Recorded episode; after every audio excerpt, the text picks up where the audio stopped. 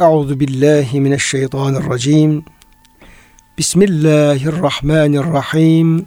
Elhamdülillahi rabbil alamin. Ves salatu vesselamu ala rasulina Muhammedin ve ala alihi ve sahbihi ecmaîn. Çok değerli, çok kıymetli dinleyenlerimiz, yeni bir Kur'an ışığında hayatımız programından bendeniz Ömer Çelik, doçent doktor Murat Kaya hocamızla birlikte siz değerli, kıymetli dinleyenlerimizi Allah'ın selamıyla selamlıyor. Hepinize en kalbi, en derin hürmetlerimizi, muhabbetlerimizi, sevgi ve saygılarımızı arz ediyoruz. Gününüz mübarek olsun. Cenab-ı Hak gönüllerimizi, yuvalarımızı, işyerlerimizi, dünyamızı, ukbamızı sonsuz rahmetiyle, feyziyle, bereketiyle doldursun. Kıymetli hocam siz de hoş geldiniz. Hoş bulduk hocam. Afiyettesin inşallah. Elhamdülillah hocam. Allah razı olsun. Rabbim e, sizlerin, bizlerin, kıymeti dinleyenlerimizin, bütün ümmeti Muhammed'in sıhhatini, afiyetini, selametini artırarak devam ettirsin. Değerli dinleyenlerimiz, bugün hocamla beraber Leyl suresinin son ayetlerini tefsir etmeye çalışacağız. Geçenki programın sonunda ayetleri okuduk ve mealini verdik ama bu ayet-i kerimeler Cenab-ı Hakk'ın narın telazza yani sürekli böyle alevlenerek yanan bir ateşten korunabilmek için yapılması gereken Allah için ihlas yapılması gereken hususları dile getirdiğinden dolayı bu ayet-i kerimeler bunun biraz daha izaha ihtiyacı olduğunu ifade etmiştik. Ve bu ayet-i kerimeleri ne kadar anlayabilirsek bu ayet-i kerimelerde Yüce Rabbimizin bize göstermek istediği, gösterdiği çerçevede ihlasla bir kulluk yaşayabilirsek, işte namazımız, ibadetimiz, özellikle infakımız, insanlara olan iyiliklerimiz, bunları bu çerçevede başarabilirsek, yani bir manada hocam bu amellerin de kabul şartlarını Cenab-ı Hak burada dile getirmiş oluyor bu kelimelerde. O kadar kendimizi kurtuluşa, felaha hazırlamış olacağız. Şimdi kıymetli hocam ayet-i kerimeleri ben şöyle tekrar e, hatırlatayım. E, Cenab-ı Hak buyuruyor ki vese vese yücennibuha yücennebuhal etka. Bu ateşten, cehennemden cayır cayır yanan, alev alev yanan bu e, ateşten e, uzak tutulacak. Uzak kalacak. Kim bunlar? El etka. Hmm. Yani önceki bedbah el eşka en bed, en bedbah, en şaki diye ifade edilmişti. O ateşe girecek olanlar. Bunun mukabilinde el eşkanın mukabilinde el etka yani takvanın da ileri seviyesi. Yani olabildiği kadar bir takva hayatı. E, Tabi o takvayı da sadece bir kuru bir duygu olarak ele almıyor ayet-i kerimeler. Onun amel olarak dışa yansıyan taraflarını da beyan etmiş oluyor. Kimdir etka olan? Ellezî yu'ti mâlehu yetezekka yani malını, kazancını, malını kendi nefsini, kalbini arındırmak, tertemiz hale getirmek için veren kişi. Evet. Demek ki burada hocam birinci olarak sahip olduğumuz malımızı, mülkümüzü, imkanlarımızı yetezekka yani arınmak üzere harcamak, infak etmek bu takva sahibi olmanın, etka evet. olmanın birinci evet. şartı olmuş oluyor.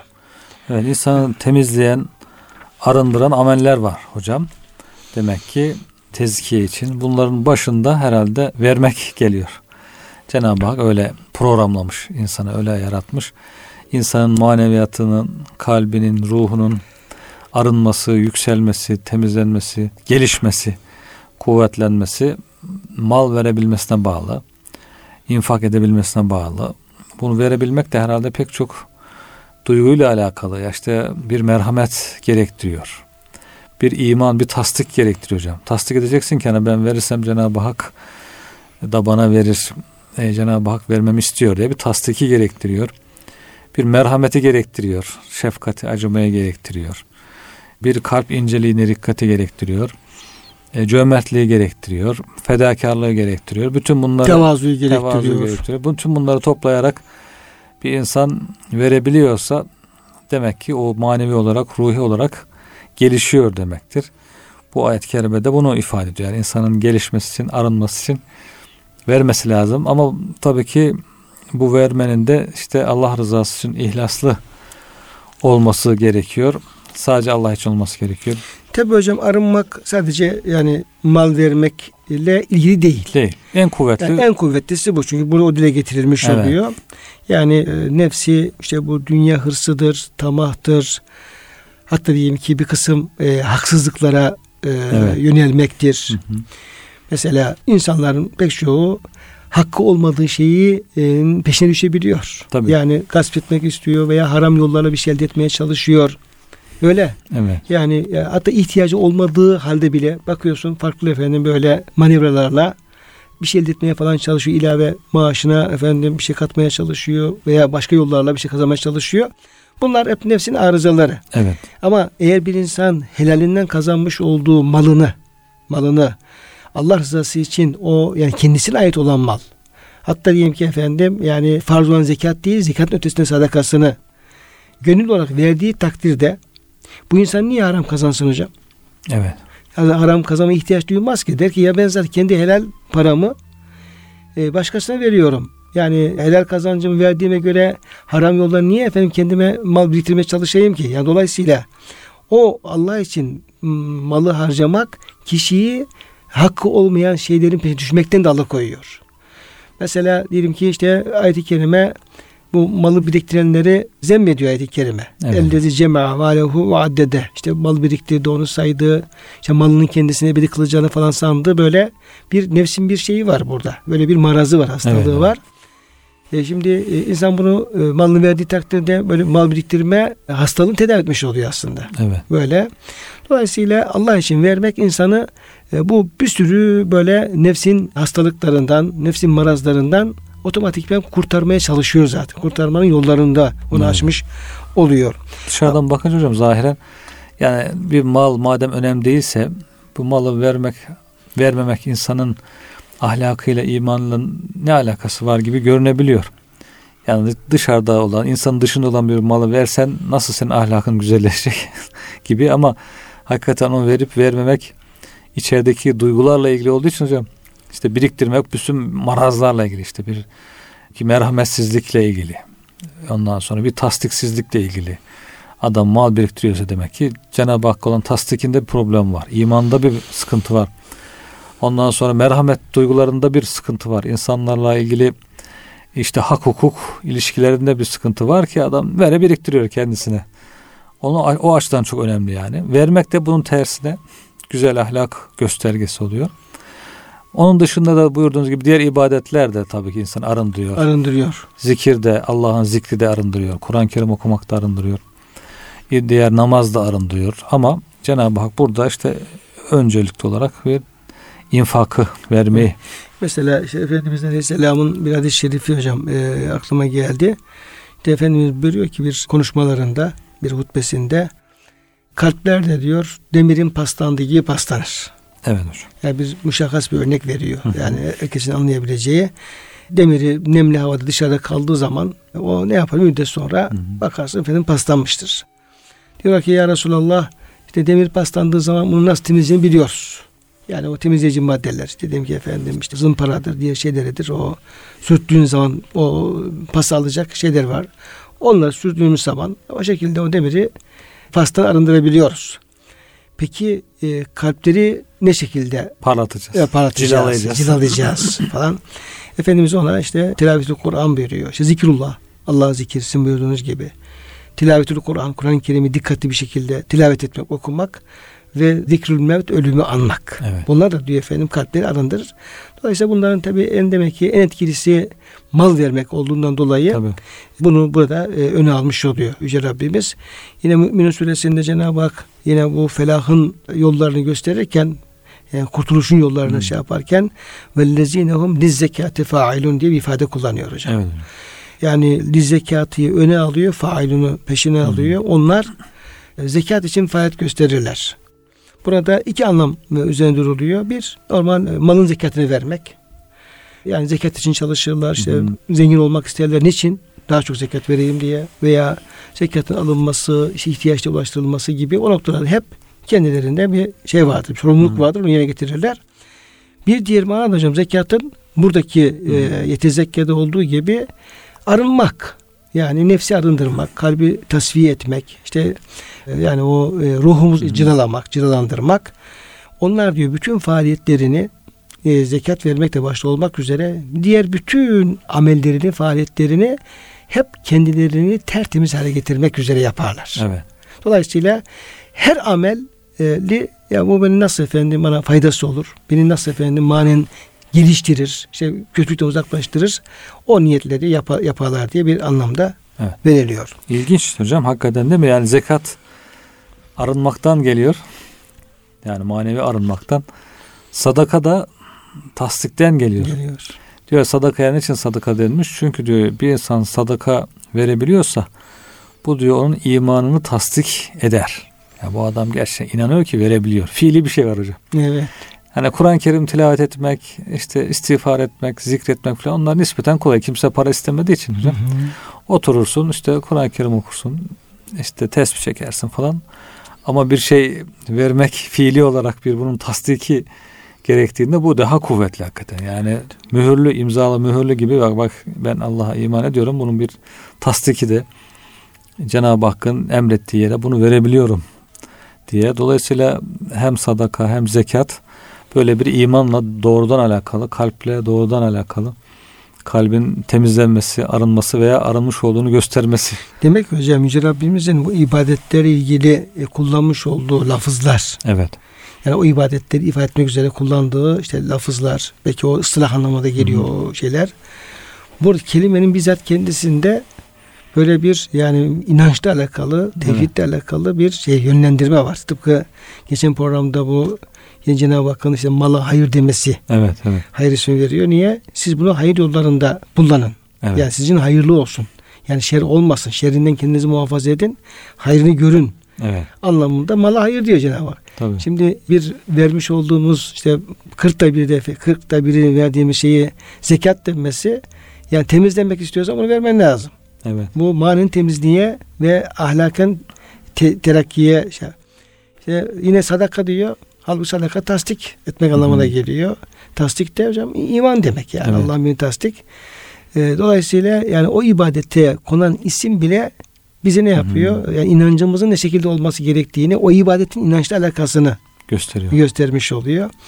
Yine böyle hocam Kur'an-ı Kerim'in her böyle kelimesinde böyle bir bir güzel tarafı da var hocam. Evet hocam.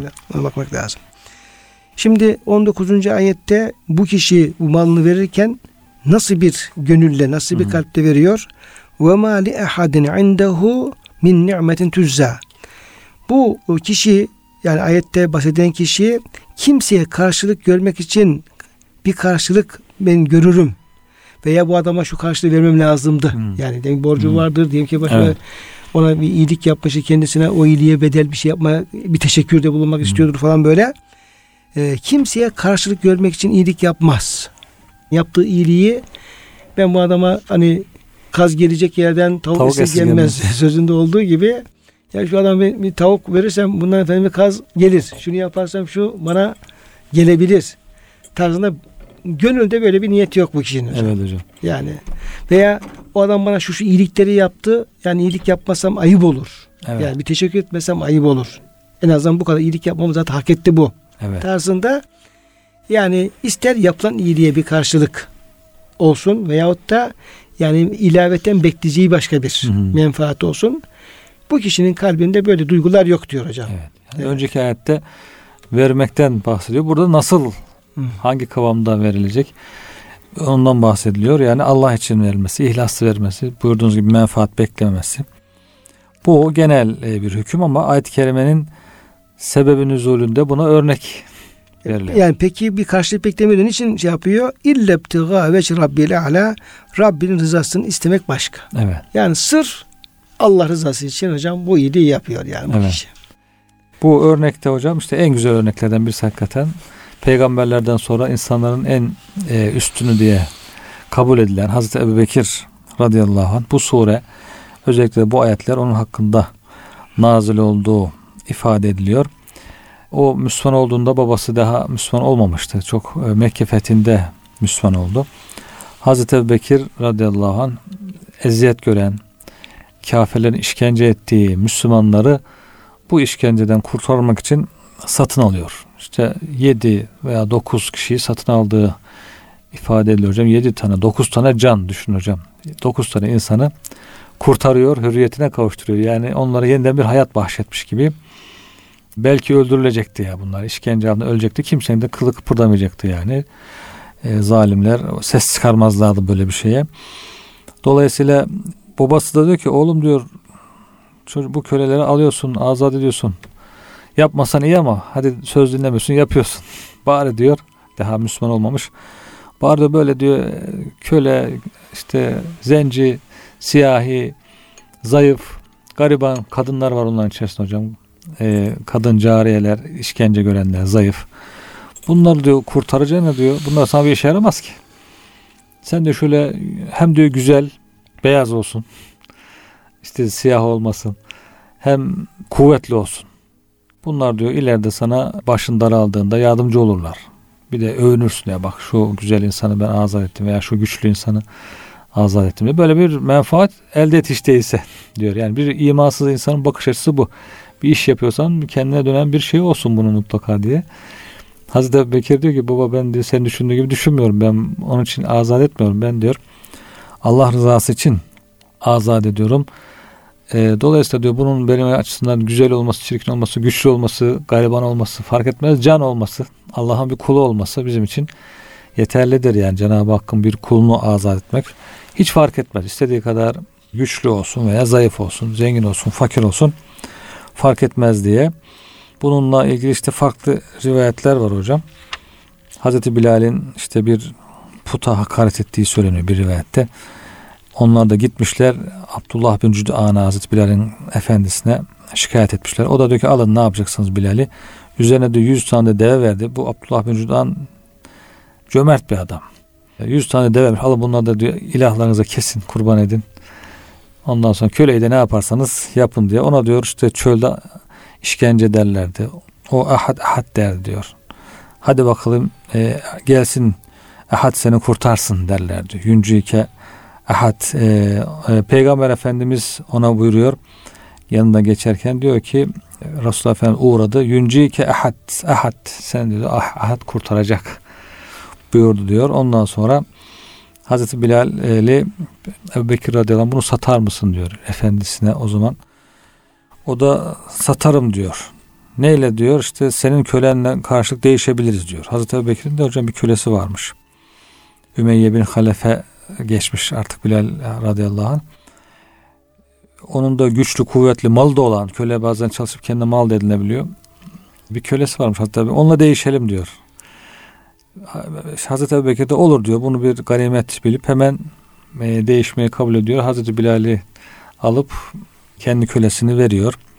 Veya diğer rivayetlerde para verip alıyor. İşte Ümeyye diyor ki sen bunu diyor çok basit bir parayla alsaydın yine verirdim diyor. Hazreti Ebu Bekir de bunu diyor 40 katını isteseydin yine verirdim diyor. Bu sefer insanların hocam insanların dilini tutmak mümkün değil. Diyorlar ki ya Ebu Bekir böyle bir şey yaptı ama mutlaka diyorlar onun Bilal'de bir menfaati vardır da ondan yapmıştır. Yani yoksa böyle kara kuru zenci bir adama hiç kimsesi yok, koruyanı yok, bir arkası yok, gücü yok. Böyle bir adama bu kadar para verilir mi? Veya onun karşılığında zengin, güçlü, kuvvetli bir köle verilir mi?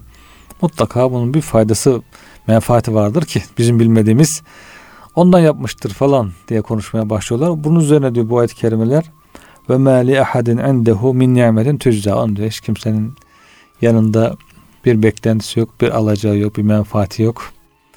Sırf Allah rızası için, sırf bir can olduğu için onu satın aldı diye Cenab-ı Hakk'ın bu ayet-i kerimelerde Hazreti Ebu Bekir'i tarif ettiği bir örnek olarak yani sadece Hazreti Ebu Bekir için değil tabii evet, ki. Bu ama güzel bir örnek. Ama. Güzel bir örnek. Tabii. İşte burada hocam yine tefsirde yani bu ayet-i kerimede bir şey eşka bir de etka ikisinden bahsediyor. Ee, birisi diyor etka sıddıkların rehberi yani Ebu Bekir radıyallahu anh. Birisi de eşka ki dalalet ehli zındıkların önderi Ebu Cehil. Bu sürenin girişindeki gece ve gündüze kasim edilmesiyle birinin karanlığına diğerinin aydınlığına işaret edilmektedir. Zaten hmm. tepeden tırnağa hocam süre böyle. Evet hakikaten. İki, iki şeye böyle efendim iki grubu anlatıyor yani. Ta yeminlerden başlayarak Ee, yani dalalet gecesinde hiç kimse Şaki Ebu Cehil kadar yolunu kaybetmemiştir.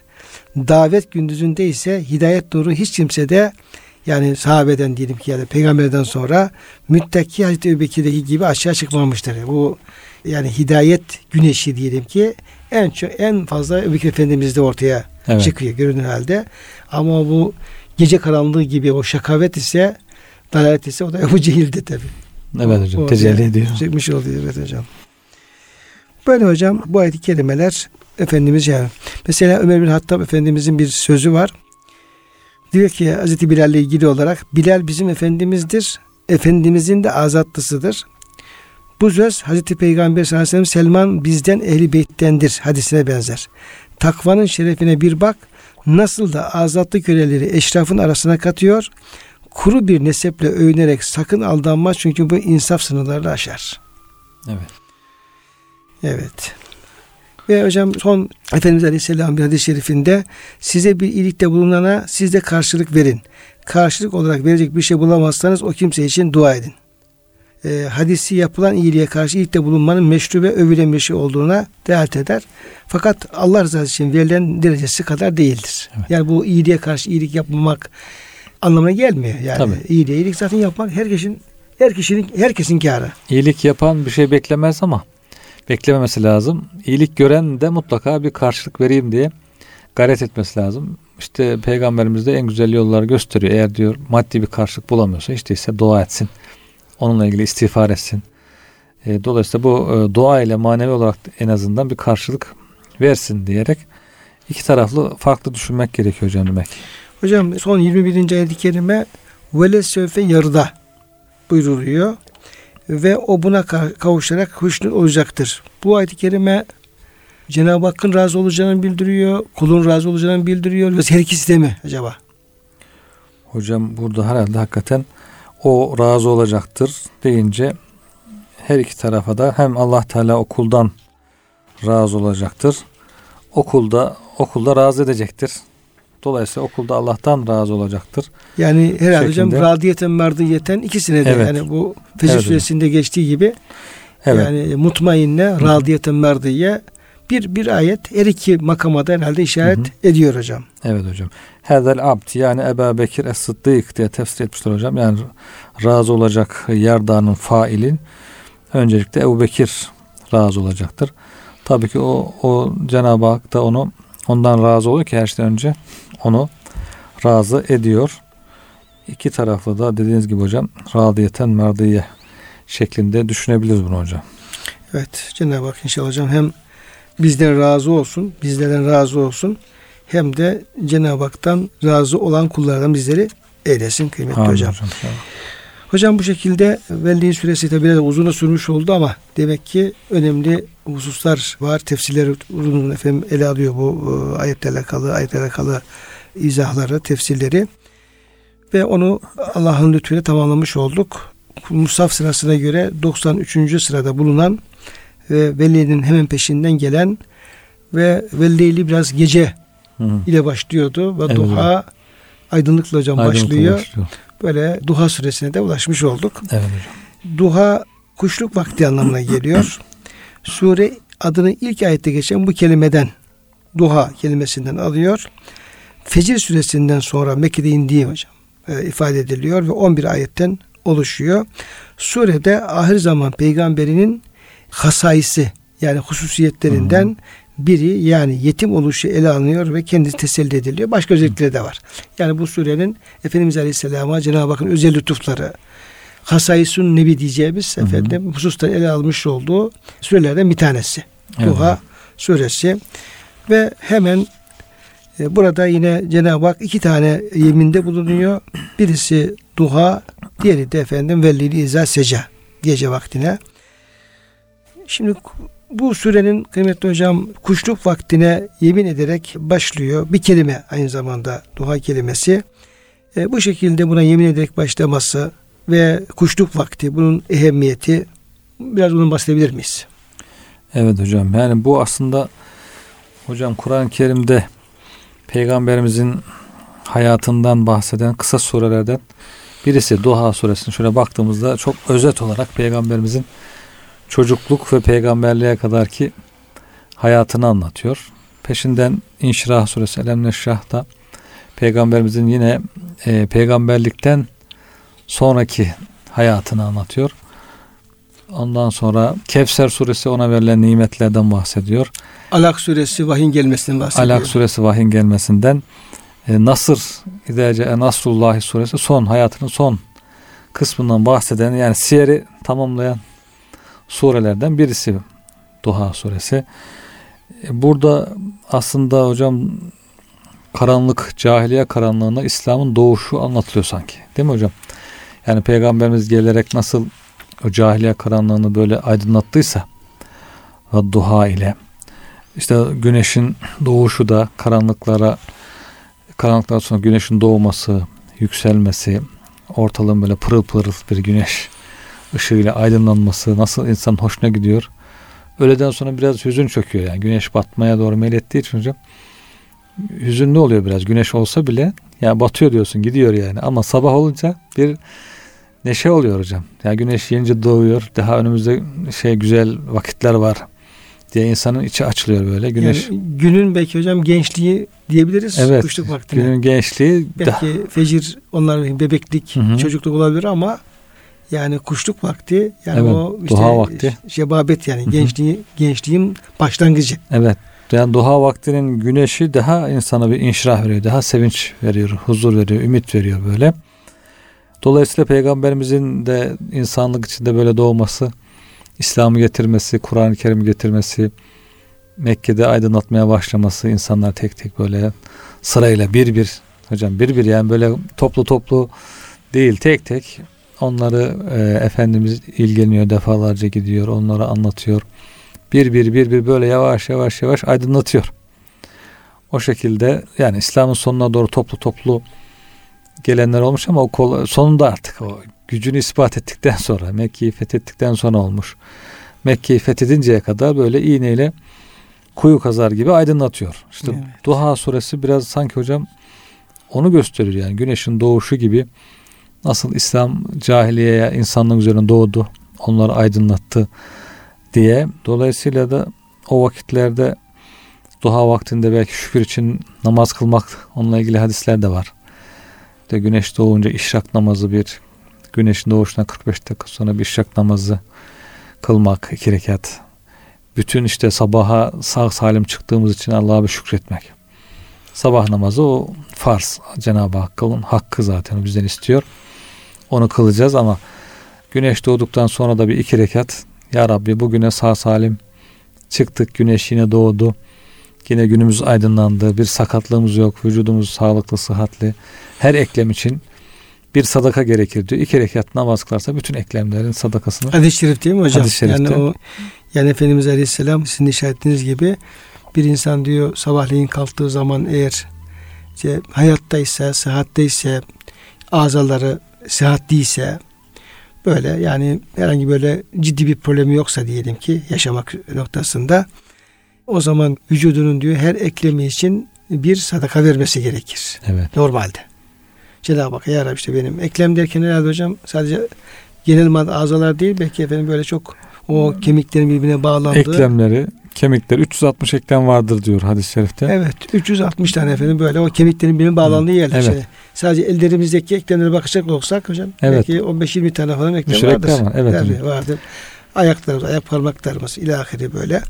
Azalarımızın diyelim ki vücudumuza hmm takıldığı, bağlandığı noktalar. Evet. Daha iç alemde, iç organlarımıza yine öyle bağıntı falan vardır. Evet.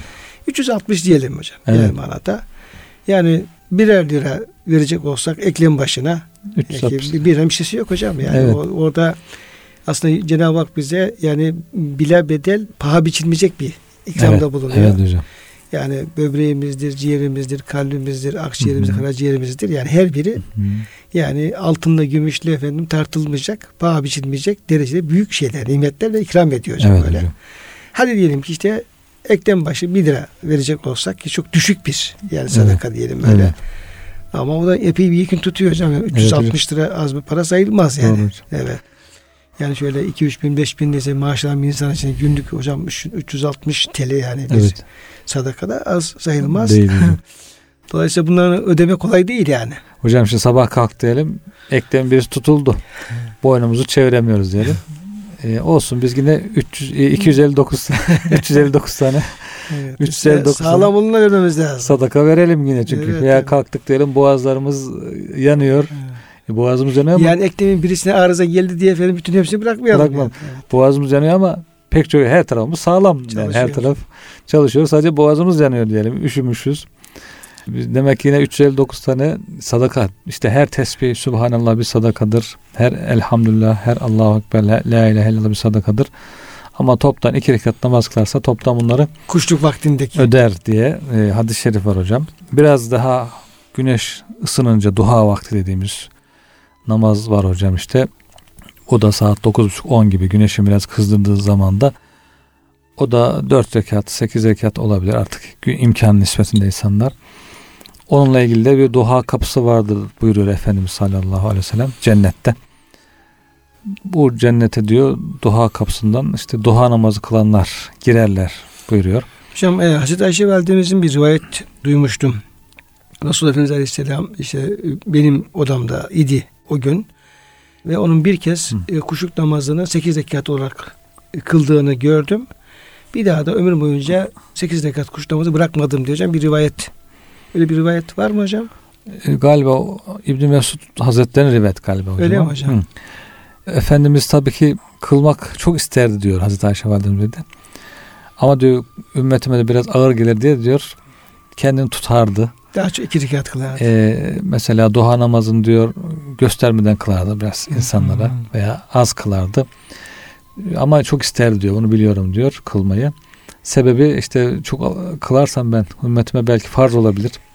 Veya ümmetim de ya peygamber kılıyordu diye biz de hep kılalım isterler zorlanırlar. Çünkü işrak namazı, akşam kuşluk namazı falan herkese zor gelebilir diye Efendimiz diyor biraz kılmazdı kuşluğu seyrek kılardı. E, bu tabi anlayanlar anlasınlar hesabı hocam. Peygamberimizin böyle bir korkusu ama bizim böyle bir korkumuz yok. Hani biz çok kılarsak E, farz, farz bize olmaz. farz olur veyahut da ümmete farz olur korkumuz yok ama anlayalım biz. Biz biraz daha anlayışlı olalım. Demek ki efendim kılmak çok hoşlanıyorsa, seviyorsa bize imkan buldukça kılmaya çalışalım Hiç bunu. iki rekat, dört rekat Evet, değil evet. hocam o şekilde. Kılmaya çalışalım diye. Yani ama bu kuşluk namazı yani mesnun Evet yani hocam. olarak Efendimiz Hı hı. Aleyhisselam'dan nakledilen bir Evet hocam. namaz yani. Önemli Evet. sünnet namaz Hı hı. yani öyle söyleyeyim.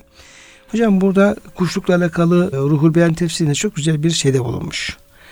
Yani niye kuşlukla yemin ederek başlıyor ve kuşluk vaktinin diğer peygamberlerin hayatındaki yeriyle alakalı böyle güzel bilgi hocam e, değerlenmiş. Müsa- Müsaadenizle sonra Buyurun hocam. paylaşmak istiyorum. Diyor ki alimlerin ifadesine göre bir günün özellikle kuşluk vaktinin seçilerek bunun üzerine yemin edilmesinin sebebi kuşluk vaktinin Allah Teala'nın Hazreti Musa ile konuştuğu ve sihirbazların Allah'a secde ettikleri vakit olmasıdır. Hmm. Şimdi ayet-i kerimede o zaten belirtiliyor. Hmm. Sihirbazdan secde ettiklerini şu ayet-i kerimeden anlıyoruz. Musa buluşma zamanımız bayram günü kuşluk vaktinde insanların toplanma zamanı olsun dedi. Ve en yuhşaren nasu Duha. duha. Duha Evet. vakti. Orada toplanıyor. Tabii o vakit aydınlık olduğu için herkes bir yere toplanabiliyor ve oradaki yapıcı müsabakayı herkes çok net görebiliyor. Hmm. Akşam mesela olacak olsa Evet. o zaman aydınlama şartına falan bakacak olsak zor olabilir. Tam Tabii, göremez edemezler. Hı. Ve orada da tabii sihirbazlar da secde edince o sihirbazların Musa ile Hazreti Musa ile karşılaşıp inanıp secde ettikleri ve şehit oldukları bir an. Evet. Onun bir diğeri var diyor hocam böyle. Evet. İşte sıraladığımız bu sebeplerden dolayı kuşluk vaktinin hem şerefi ve hem de yeminin maksadına uygunluğu söz konusu olmaktadır. Ayrıca e, duha kuşluk namazı alimlerin ittifakıyla ifade ettiklerine göre sünnet bir namazdır. Deminki hocam bahsetmiş olduğumuz şeyleri bu e, şeyi rivayetleri hocam aktarıyor burada. Evet. Aktar- bahsettiğiniz. Tabi burada hocam kuşluğa yemin ediyor Cenab-ı Hak. Evet. Ama işte bir fecir süresinde de fecre yemin ediyor. Evet. Ondan sonra yani böyle efendim işte Veldi'li de ona yemin ediyor. Geceye. Bütün vakitler hocam yemin Hepsinin ediyor. ayrı bir yeri var hocam. ayrı bir yeri var. Burada hakikaten hocam insanların toplanması, bir araya gelmesi mesela pazara gidenler diyelim, bir panayıra gidenler işte sabah kalkar heyecanla işte hazırlanır Gider tam kuşluk vakti böyle heyecanlı, hareketli zamanıdır. Ama öğlen geçtikten sonra artık yavaş yavaş dağılmaya başlıyordur. Herkes bir taraftan evine ulaşma derdine düşmüştür. Nasıl giderim, nasıl, nereden giderim diye. Dolayısıyla insanların toplanma vakti, canlı olduğu, heyecanlı olduğu vakitler, heyecanlı vakti, kuşluk vakti. İşte Peygamberimiz de hep o vakitleri değerlendiriyordu. Gidiyordu panayırlarda, pazarlarda, e, çarşılarda. Tam böyle sıcaklara basmadan değil mi? Sıcakta basmadan. insanların o toplantı, alışveriş ettiği yerlerde İslam'ı tebliğ ediyordu, anlatıyordu. Bu e, bu yeminin herhalde bu tür şeylerle alakası var hocam. İslam'ın tebliğiyle, İslam'ın aydınlatmasıyla, insanlığı aydınlatması, yeryüzünü aydınlatmasıyla ilgili işaretler var herhalde hocam bu duhada. Şimdi hocam duhadan sonra Cenab-ı Hak belki tam onun mukabilde olabilir bu. Ve leyli izâ seca ve sükuna erdiğinde geceye yemin ederim ki. Burada gece ama hocam gecenin böyle karanlığın iyice bastığı, Hı-hı. iyice koyulaş, e, koyulaştığı belki de artık fecrin evet. yani sabah vaktinin en yakın zamanında olabilir Hı-hı. hocam. Evet hocam. Olabilir. Bir de böyle bir gece yemin ediyor. Bu, burada bir sükunet olabilir. Evet. Yani onun da ayrı bir yeri var tabii ki hocam. Gündüz yorulan insanların gece istirahat etmesi, gecenin ayrı bir ibadeti, gecenin Cenab-ı Hak'la insanların ayrı bir şekilde baş başa kalması, huzurlu bir şekilde Cenab-ı Hakk'a e, ibadet etmeleri de var. Yani tekrar gelecek aydınlığın ertesi güne heyecanla daha kuvvetli bir şekilde çıkabilmek için o gecenin de güzel, bereketli bir şekilde e, geçmesi gerekiyor. Dolayısıyla gündüzün gecesi de var. Veya e, bu günler zaten hep düz bir seviyeye gitmiyor. İslam'ın günleri de öyle değil mi hocam? Yani hep zafer günleri gitmiyor. Tilki. Ayet-i Kerim hocam. Ve tilkil eyyamu nudavile beynen nas. O Uhud evet. savaşının peşinden geliyor hocam bu. E, Ali İmran suresinin işte 147. Hı hı. ve 6. ayet-i kerimesi. Orada yani Bedir'de tabi bir galibiyet oldu. Evet. Yani Müslümanlar sevindiler. Hı hı. Herkes çok sevindi. Ee, ama tabi Uhud'da bir böyle bir yarım da olsa tam bir mağlubiyet değil ama geçici bir mağlubiyet de olsa Müslümanlar çok üzüldüler buna. Evet. Üzüntülerini de böyle ifade ediyorlardı. Cenab-ı Hak e, ayet-i kerimeyi gönderdi. Ve tilkil eyyâmü müdavile beynen nas. Biz böyle dünyada galibiyet günlerini hep insan arasında değiştiriyoruz. Hı. İmtihan için. Evet imtihan için tabi değiştiriyoruz. Şimdi hep e, kafirler mağlup olsa, Müslümanlar galip olacak olsa o zaman diyor ki Cenab-ı Hak nasıl olsa efendim Müslümanların yanında. Belli. Dolayısıyla yani böyle imtihan sırrı hocam kaybolabilir. Kaybolur. Şimdi ise insanlar hep itiraz. Ya Müslümanız diyorsunuz ama Allah size hep iyiliklerde bulunmuyor. Demek ki siz acaba doğru musunuz değil misiniz? Evet. Tam imtihan hocam işte yani. Evet. Peygamberimiz uğraştı işte İslam'ı böyle İslam'ın güneşi yükseldi yükseldi hocam işte. Aslı saadet. Hazreti Ebu Bekir, Hazreti Ömer devirleri. Ondan sonra Hazreti Osman devrinin yarısından itibaren biraz seca e, seca gelmeye başladı hocam. Karanlık yavaş yavaş gece geldi. Sonra tekrar gündüz gelir, tekrar gece gelir. Böyle inişli çıkışlı bu imtihan devam ediyor. Bir varlıkla imtihan, bir yoklukla imtihan, bir kuvvetle imtihan, bir zaafla imtihan. Böyle olunca daha şey oluyor hocam işte insanlar daha canlı diri oluyor hocam. Hocam e, şöyle tabi Peygamber Efendilerimizin bile yani ümitlerini neredeyse kaybedecekleri imtihanlar olmuş. Anlar gelmiş değil tabi. mi? İşte yekulur Resulü vellezine amenu ma'ahu meta nasrullah. Evet. Yani peygamber ve efendim yanındaki insanlar metan Allah'ın yardım ne zaman demişler şey olmuş. Evet. Bunun en güzel örneği Hendek Savaşı. Evet. Hendek Savaşı'nda hakikaten yani Allah'ın yardım ne zaman gelecek diye herkesin bir beklentisi olmuş. Hı hı. Böyle bir şey var genel manada her peygamberin böyle bir ümidini neredeyse kaybettiği bir imtihan şeyi de olmuş. Evet. Mesela o Yusuf suresindeki ayet-i kerime de işte en son 110. ayet-i kerime hatta izesteyese rusulü diyor neticede diyor öyle diyor bir imtihan oldu ki diyor işte kavimlerin inanmaması işte efendim o beklenen diyeyim, yardımın gelmemesi peygamberler bile diyor neredeyse diyor, ümitlerini kestiler. Neden ümitlerini kestiler? Allah'ın yardımından değil de yani ya galiba ben bu işe muvaffak olamayacağım. Yani bu, evet. bu iş efendim bitti. Ee, Nuh Aleyhisselam zaten bunu açıkça söylüyor. Ya Rabbi enni mağlubum fentasir ben mağlup oldum ya Rabbi bana yardım et tarzında. Hı hı. Dolayısıyla bu yani e, peygamberin tebliğ hayatında, efendimin tebliğ hayatında ve Müslümanın e, hayatında böyle e, yani kuşluk vaktinin temsil etmiş olduğu diyelim ki o olumlu diyelim ki hoşumuza giden zamanlar, anlar ve durumlar peşinden diyelim ki gece vaktinin temsil etmiş olduğu olumsuz şeyler.